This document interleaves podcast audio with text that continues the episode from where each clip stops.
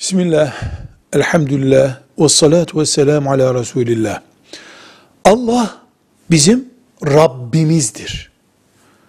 Elhamdülillahi Rabbil alemin derken ki Rab bu Rab'dir. Yani Allah Rabbimizdir demek, sahibimizdir demek. Sadece bizim değil. Hayvanların, dağların, dünyanın, uzayın, her şeyin sahibi Allah'tır.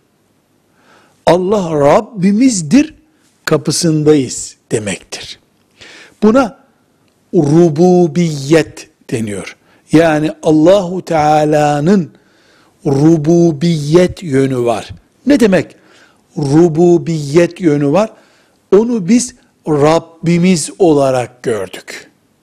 Hayvanların da Rabbidir Allah, balıkların da Rabbidir, bizim de Rabbimizdir.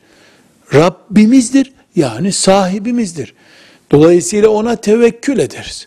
Dolayısıyla ona itaat ederiz.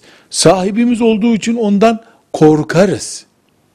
Bütün mümin niteliğimiz, ortaya koyduğumuz mümince tavırlarımız Rabbimiz Allah olduğu içindir.